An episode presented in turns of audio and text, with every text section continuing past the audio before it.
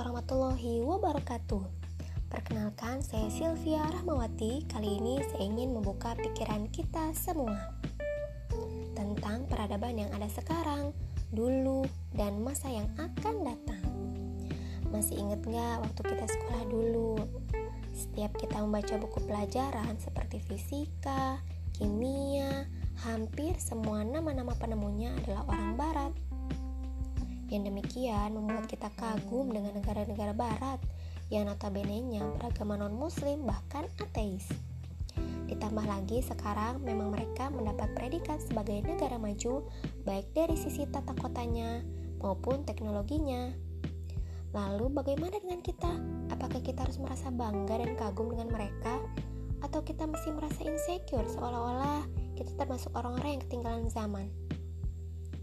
Yuk kita lihat sejarah yang sesungguhnya. Mengutip sebuah buku karya Said Al-Kutab yang berjudul Warisan Peradaban dan Saintis Muslim, ternyata Eropa pernah mengalami yang bernama Dark Age, masa kegelapan Eropa.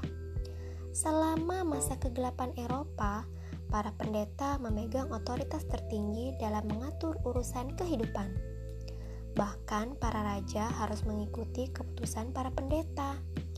Namun, keputusan para pendeta itu sering kali kon tidak konsisten dan saling bertentangan. Disebabkan karena sumber hukum yang menjadi landasan setiap keputusan itu tidak komprehensif.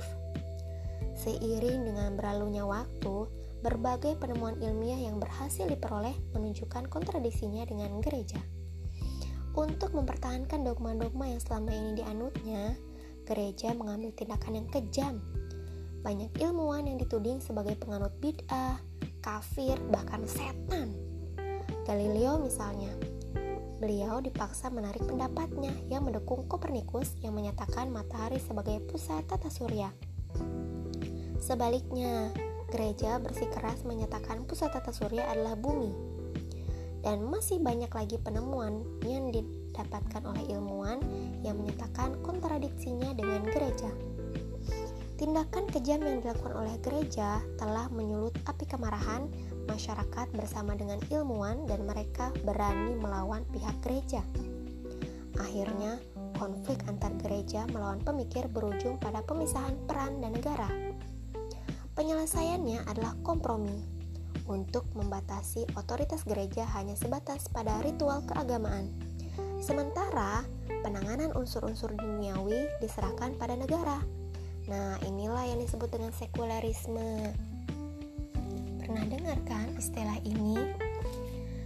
Di luar daripada itu, di belahan bumi yang lain, pernah ada sebuah peradaban yang paling besar di dunia Peradaban itu mampu menghasilkan sebuah negara super yang membentang dari samudra ke samudra, dari daerah subtropik hingga ke daerah tropik dan gurun. Dalam wilayah kekuasaannya, tinggallah ratusan juta warganya yang terdiri dari berbagai kepercayaan dan bangsa. Wah, kok bisa ya? Salah satu dari sekian banyak bahasanya menjadi bahasa universal dan menjadi jembatan penghubung antar warganya yang tinggal di berbagai negeri. Tentaranya tersusun terdiri dari orang-orang yang berlainan kebangsaan, kekuatan militernya mampu memberikan kedamaian dan kesejahteraan yang belum pernah ada sebelumnya. Jangkauan armada perdagangannya membentang dari Amerika Latin sampai Cina, serta daerah-daerah yang berada di antara keduanya. Ada yang tahu peradaban apa itu? Ya, itulah peradaban Islam. Saat banyak konfrontasi terjadi antara pihak gereja dan ilmuwan disebabkan oleh ilmu pengetahuan itu sendiri, ilmu pengetahuan justru berkembang dalam naungan Islam. Dalam naungan Islam, para ilmuwan tidak hanya memberikan kontribusi demi kemajuan ilmu pengetahuan, tapi juga mengaplikasikan penemuan ilmiahnya dalam bentuk inovasi teknologi. Mereka mengamati bintang-bintang, menyusun peta bintang untuk keperluan navigasi, Ibnu Yunus misalnya memanfaatkan pendulum untuk menemukan ukuran waktu. Ibnu Sina mengukur temperatur udara dengan termometer udara. Selain itu, dalam bidang matematik, ilmuwan muslim telah berjasa menemukan angka di saat orang barat masih menggunakan angka Romawi kuno. Kebayangkan gimana sulitnya menuliskan bilangan miliar dalam bentuk Romawi. Bisa berlembar-lembar kertas tuh. Di samping itu, kaum muslim juga menemukan angka nol. Juga ilmu aljabar, geometrik analitik, serta trigonometri bidang datar dan sferis. Dalam ilmu fisika, seorang pakar bernama Al-Khawarizmi menulis tentang mekanik, hidrostatik, dan fisika, berisi tentang teori gravitasi atau gaya tarik bumi.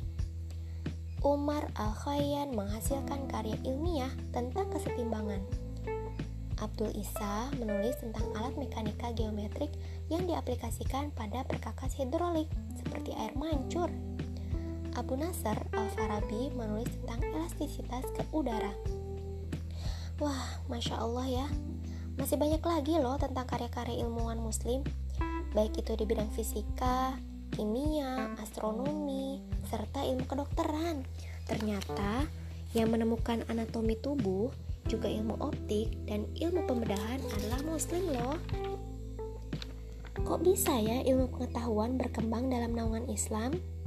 Jawabannya dikarenakan Islam mengajak manusia untuk menggunakan akalnya dalam menyikapi berbagai kejadian di alam semesta. Islam juga menantang seluruh umat manusia dan mendorong terjadinya perubahan dan penelitian, dan tentunya didukung oleh sistem Islam itu sendiri. Jadi, perlukah kita merasa kagum dengan peradaban Barat atau merasa insecure? Tentu tidak, ya.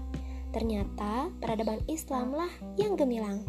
Sekarang pun melalui lisan-lisan kita, kita mampu mengembalikan kejayaan Islam dan membangun kembali peradaban yang mulia ini. Peradaban gemilang ada di kepala kita.